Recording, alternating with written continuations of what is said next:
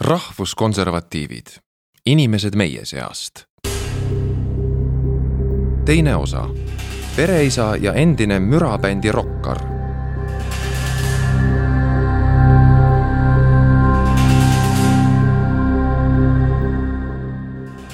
loo järgmise peategelase, Peeter Krulliga, nelikümmend kaheksa, kohtun Aegviidu rongijaamas märtsikuu keskel. just on hakanud sadama märga ja teravat lund kui paljudes Eestimaa paikades võib näha juba musta mullakamarat, katab siinseid järvi ja suusaradasid veel üsnagi tihe lumevaip.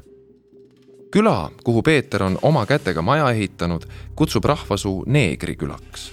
seda põhjusel, et siia olevat nõukogude ajal toodud elama võõrtööjõudu. püstloodis tumedate välisvoodrilaudade ja ühe viilukatusega hoone meenutab suvilat ning selle ees, maja taga ja magamiseks mõeldud lisamajakeste ümber lookleb terrass, mis võimaldab Peetri sõnul suure osa elust väljas elada. ka nüüd, talvel, käivad tema suuremad lapsed maja ümber ringi särgiväel, nii ennast karastades.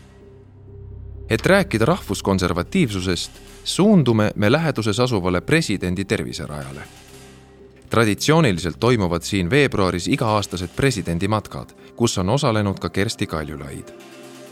Vahepeal liitub meie vestlusega Peetri vanim tütar Säde ka tema on rajale jalutama tulnud ning on vaatamata talvisele ilmale riietunud suviselt. looduses jalutamine on saanud pere jaoks igapäevaseks meeldivaks harrastuseks. Peetri vanemad, Hannes ja Mai, õppisid sisearhitektuuri ja töötasid samal alal. isa oli vene juurtega ja esimest põlve see, kes kirjutas oma passi eestlane keelehuvilise Hannes Krulli üheks teeneks võib pidada sõna kohuke väljamõtlemist varem tunti seda maiustust kohupiimajuustukese nime all. krullide kodus valitses niinimetatud humanitaarne õhkkond. isa oli väikese Peetri jaoks autoriteet suure algustähega. kodus mängis Ameerika hääl ja vaadati Soome uudiseid. sealt olen ilmselt saanud poliitikapisiku ja huvi selle vastu, mis maailmas üldse toimub, tõdeb ta tuhande üheksasaja üheksakümne esimesel aastal ilmavalgust näinud Keskerakond ei olnud Peetri sõnul tema isale kuidagi meeltmööda. Hannes Krulli arvates ei saanud Keskerakonda usaldada ning see hoiak on üle kandunud ka Peetrile. nooruses Eesti iseseisvumise aegu oli Peeter boheemlane, käis läbi kunstiülikooli tudengitega ja tegi sealsamas sõpradega mürabändi. mulle läks siin toimuv vähe korda. Eesti tundus selline konnatiik eks selline suhtumine tulenes ka nooruslikust ülbusest, meenutab ta. praegu on Peeter taandunud oma kauaaegsest põhitööst, majade ehitamisest ja renoveerimisest. selleks, et aidata õmblemis- ja tekstiiliettevõtet pidavat abikaasat, hoolitseda laste eest, käia poes, teha vahel süüa ja aidata naisel asju ajada. kui pere loodud sai, läks aeg hullult hinda. see, et ma oma asju teen, hakkas neile jalgu jääma pidi aega näpistama ja selgus, et pereelu läheb sellepärast täitsa tuksi, selgitab Krull. seega ei tee Peeter praegu palgatööd kellegi teise firmas, vaid aitab hoopis oma naist ettevõtluses. samas on oluline, et Peeter pere jaoks iga päev olemas oleks. kui lapsed natuke suuremaks said, selgus, et mind on väga vaja, tunnistab ta.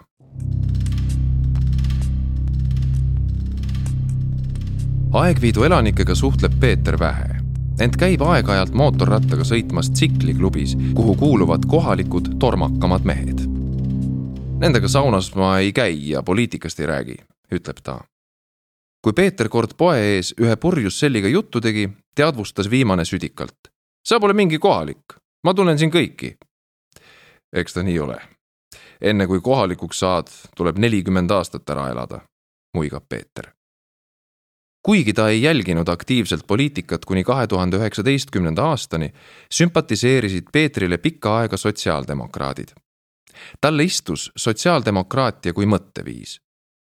eriti loomeinimeste hulgas on võrdsus ja võrdsed võimalused oluline teema, täheldab ta.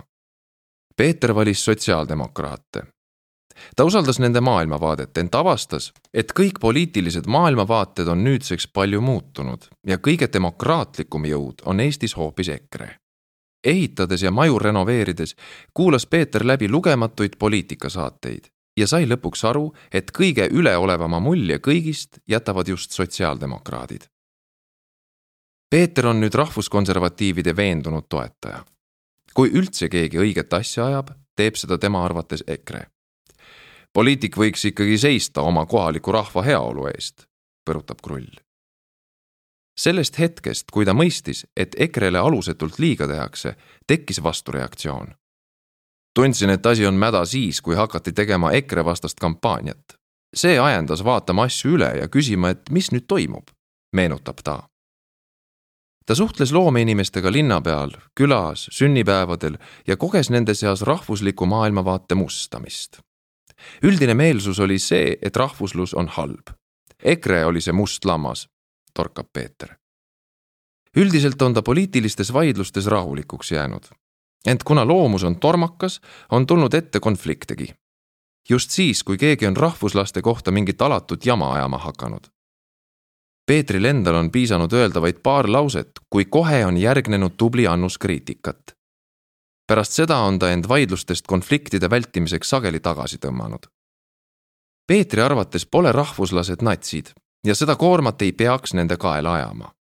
muidugi on kõikides erakondades inimesi, kes pole adekvaatsed ja loomulikult pole ka EKRE kõik liikmed läbinisti mõistlikud peale seda, kui Peetri naine ütles, et EKRE on õudne partei ja tõi põhjenduseks vaid selle, et seal on ju see Mart Helme, ei tahtnud Krull enam olla apoliitiline. Eks muidugi viskas punased lipud püsti, kui vaatame koos Aktuaalset kaamerat ja üks sajatab ning teine leiab kõrval, et kõik on okei okay.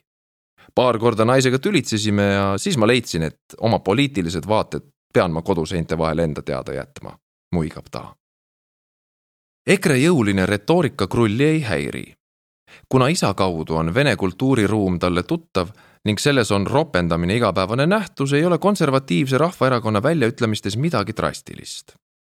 Loen talle jõulisemaid ja teravamaid sõnavõtte silmas pidades ette ka EKRE ja praeguse Europarlamendi liikme Jaak Madissoni kahe tuhande viieteistkümnendal aastal tehtud blogipostituse on tõsi, et olid koonduslaagrid, sunnitöölaagrid, harrastati gaasikambritega mänge, kuid samas selline niinimetatud range kord tõi ka Saksamaa tol ajal üsna sügavalt persest välja. Sest areng, mis põhines küll esmajärgul sõjatööstuse arengule, viis see siiski riigi vaid loetud aastatega Euroopa üheks võimekamaks.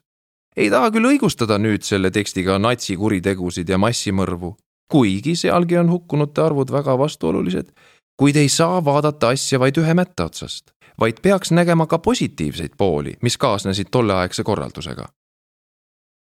ma arvan, et see on täiesti okei okay. Kui hakata poliitkorrektselt ajalugu käsitlema, siis me lõpetame ajaloo mõistmise ja analüüsimise, leiab Peeter. teda on EKRE puhul kõnetanud pagulaste teema. Euroopa Liit ei tohiks meile öelda, millal ja kui palju Eesti riik neid vastu võtma peab Eestit edasi viivatest EKRE tegudest koalitsioonis toob Peeter esile piiri väljaehitamise algatuse, teedeehituse suuremate Eesti linnade vahel, korruptsioonivastase võitluse ja laiemalt sisemajanduse arendamise.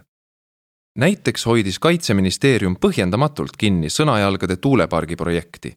EKRE tuli ka siin appi praegu püsivad Krulli arvates jõupositsioonil liberaalid, kes viivad ellu oma poliitikat ja ilmselt kinnistub nende võim tulevikus veelgi ent kui EKRE uuesti võimule saaks ja Ungari, Poola ja teiste konservatiivsete valitsustega koostööd teeks, oleks see üks samm Euroopa Liidu päästmise suunas.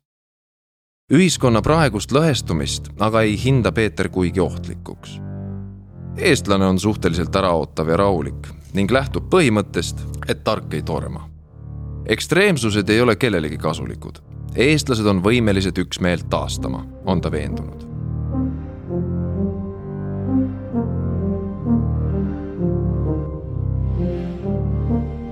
endisest terrasiitkrohviast pensionär. Pole vähimatki kahtlust, et eakate seas on Eesti Konservatiivne Rahvaerakond populaarne. EKRE on tulnud selleks, et kaitsta uues, suuresti virtuaalses ja ebaselges maailmas kaduma kippuvaid ja just neid õigeid väärtusi. on vanu inimesi, kelle on EKRE suunal tehtav kriitika muutnud kirglikuks, südikaks ja koguni valjuhäälseks Nad on nõus oma tõe eest seisma, alul väitlema, siis vaidlema ja vajadusel ka võitlema. EKRE on seda mõistnud ega jäta oma eakaid toetajaid unarusse, vaid kutsub neid lahkelt kaasa. igas Eestimaa linnas on eakaid, kellele EKRE sümpatiseerib. Nad hindavad Mart ja Martin Helme karismat, sirgeseljalisust ja sirgjoonelisust, ausust ja otsekohesust kuigi nad ei pruugi alati heaks kiita rahvuskonservatiividest poliitikute igajõulist väljaütlemist, jäävad nad endale kindlaks ja toetavad valimistel ikka Eesti Konservatiivset Rahvaerakonda. kohtun Olev Kooliga, seitsekümmend kaks. Tallinna pensionäri ja endise terrasiit krohvijaga, kes on lisaks pikki aastaid töötanud Soomes tänavakivide paigaldajana Olev on pea kogu elu saanud head palka ja rahamuret teda ka nüüd pensionärina ei kimbuta. tal on palju vaba aega, mille väärikas vanaduspõlves võib pühendada poliitikale. saan Oleviga kokku Pirital kloostrimetsa tee ääres terviserajal. siin jalutab ta tihti.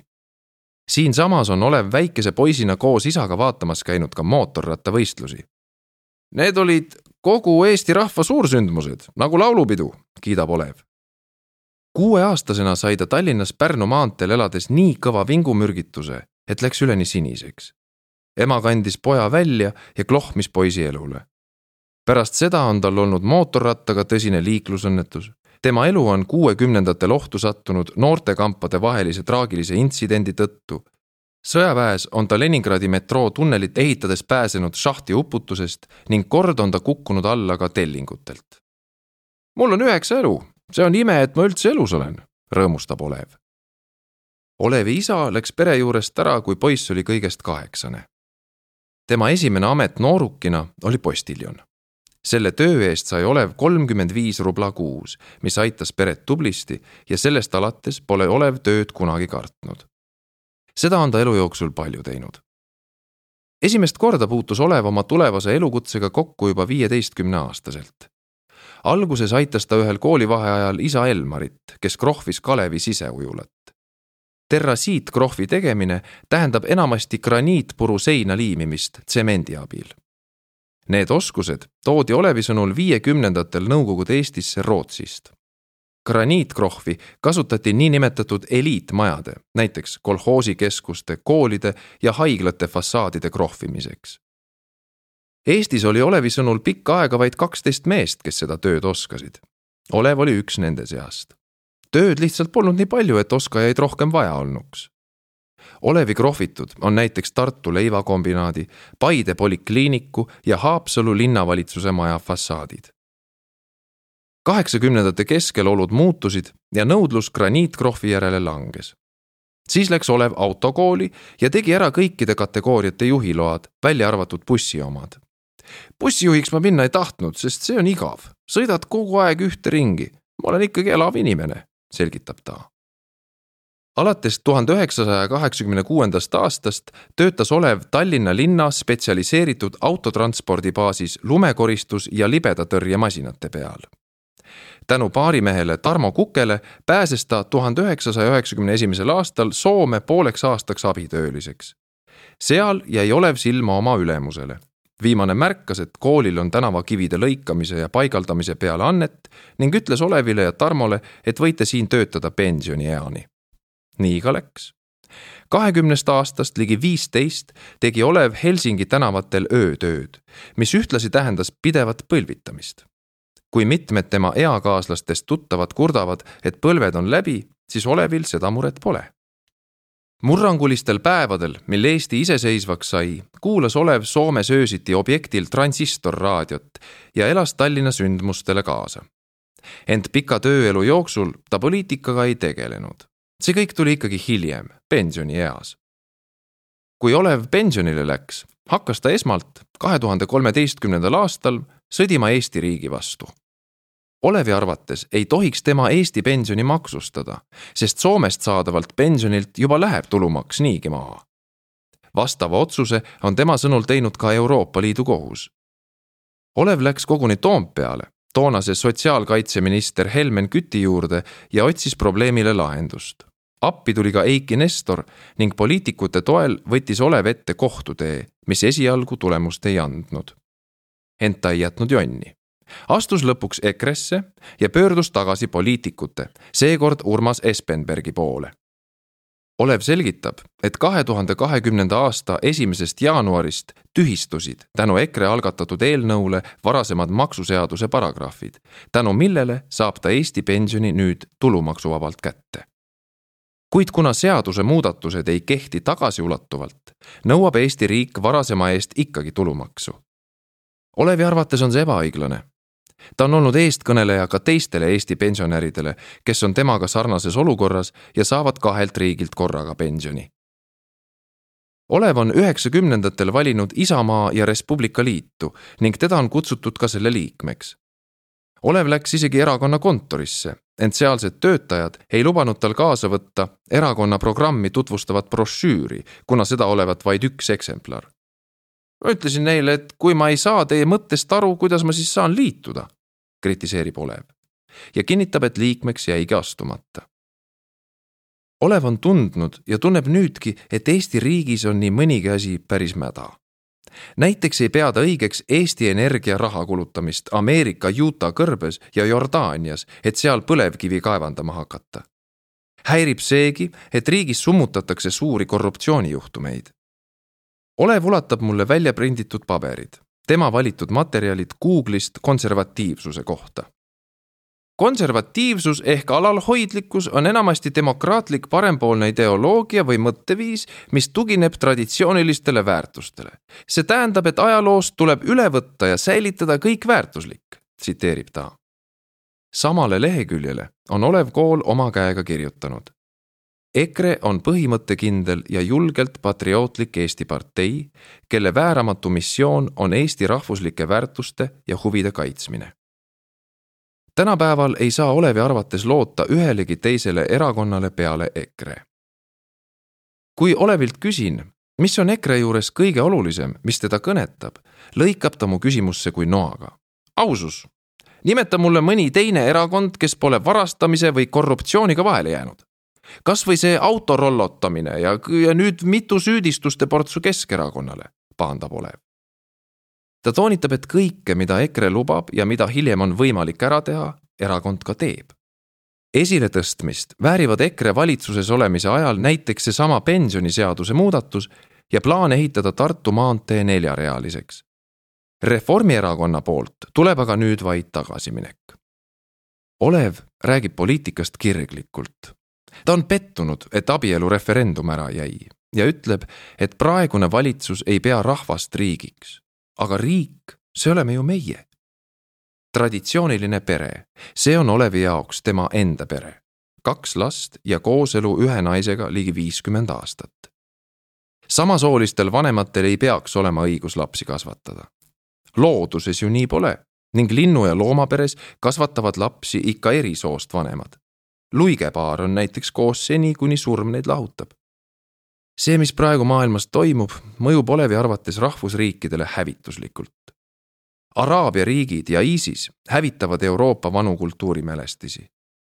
kas moslemid muutuvad siia tulles teistsugusteks, küsib Olev ja vastab, et ei muutu. tema arvates tehakse maatasa see, mille kunagi eurooplased on loonud ja mis meile püha on. kas me oleme sellega oma laste nimel nõus? Küsib ta häält tõstes. Soomes töötades nägi Olev palju migrante, põhiliselt somaallasi, kes niisama ringi hängisid. tumedanahalised poisid ajasid Vene või Soome lapsi taga ja andsid neile vahetevahel kolki, meenutab ta. või näiteks mustlased, kes said riigilt toetusraha selle eest, et kandsid oma mustasid undrukuid ja võtsid seda toetusraha mitmest riigist korraga kui Olev kord Soomes tööl oli ja taas tänaval põlvitas, sõitis üks mustlane uhke autoga tema kõrvale ja sülitas. ta oli saks, aga Olev lihtne töötegija. kui ta Helsingis oma endise firma suvepäevadel käis, rääkisid ettevõtte töötajad, et keegi ei taha enam eriti idekeskusesse ostlema minna. olevat migrante nii täis, et oled seal pea ainuke valge inimene kui näiteks indiaanlased ei ole suutnud mitmesaja aasta jooksul ameeriklastega lõimuda, siis kuidas nüüd lühikese ajaga peaks migrandid Euroopas seda suutma? arutleb Olev. ka näiteks Rootsis võõramaalaste getod aina suurenevad ja see pole sugugi hea. Olev arvab ka, et kui müüme oma maatükke ja kinnisvara võõramaalastele, anname Eesti liiga kergelt käest ära. Kui ma talle Jaak Madissoni kahe tuhande viieteistkümnendal aastal poleemikat põhjustanud blogipostituse ette loen, ütleb Olev, et Hitler viis Saksamaa tööstuse omal ajal kindlasti tippu. keegi ei saa vastu vaielda sellele, et ta lõi suurepärase teedevõrgu. ka koonduslaagrite kohta on palju vastukäivat infot ja täielikku tõde me ei tea. Olev on Rail Balticu vastane ja ei ole nõus end ka vaktsineerima. mina ei taha endale naha vahele seda mürki kuid ei lähe seda kuulutama. miks siis vaktsiini pooldajad oma propagandat teevad, on ta nõutu. ma ei pea teadma, et ta on endale selle olluse keresse lasknud. Mart ja Martin Helme jõuliste väljaütlemistega on ta päri, kuna on ka ise väga otsekohene inimene. kui palju keegi selle asja peale solvub, on solvuja probleem. kõik, mis Mart ja Martin on välja öelnud, on tagantjärele tõeks osutunud. Nad on nagu väikesed oraaklid, leiab Olev ta usub ka horoskoope, nõid Marilyn Kerro ennustusi ja seda, et süvariik ja ufod on kindlasti olemas. Olev leiab, et ainuke õige valitsemise vorm Eestis oleks kuningriik. kuningas otsustab, kuningas määrab. kui ta talitab valesti, peaks rahvas talle ütlema, et see pole õige, seletab Olev. ta tunneb end majanduslikult ja sotsiaalselt kindlustatuna, ent Eesti ühiskonna lõhestumise pärast on Olev mures mina võin kõike julgelt välja öelda, kuna ma olen juba pensionär ja ei karda. kõik aga ei saa seda sugugi teha, leiab ta. ta käis ka Toompeal meelt avaldamas just NETS-i eelnõu tõttu ja politseiriigi vastu. samas on üks Olevi pereliikmetest politseinik. ma ei käinud seal sellepärast, et olen maskivastane. käisin seal, sest politseile taheti seadusemuudatusega lisaõigusi anda politsei saaks edaspidi inimeste kodudesse tungida ja neid läbi otsida koha peal hakkas politsei inimestega toorutsema ja neid alandama, on ta nördinud. selgemast selgem on, et praegu Eestit juhtivates erakondades on olev pettunud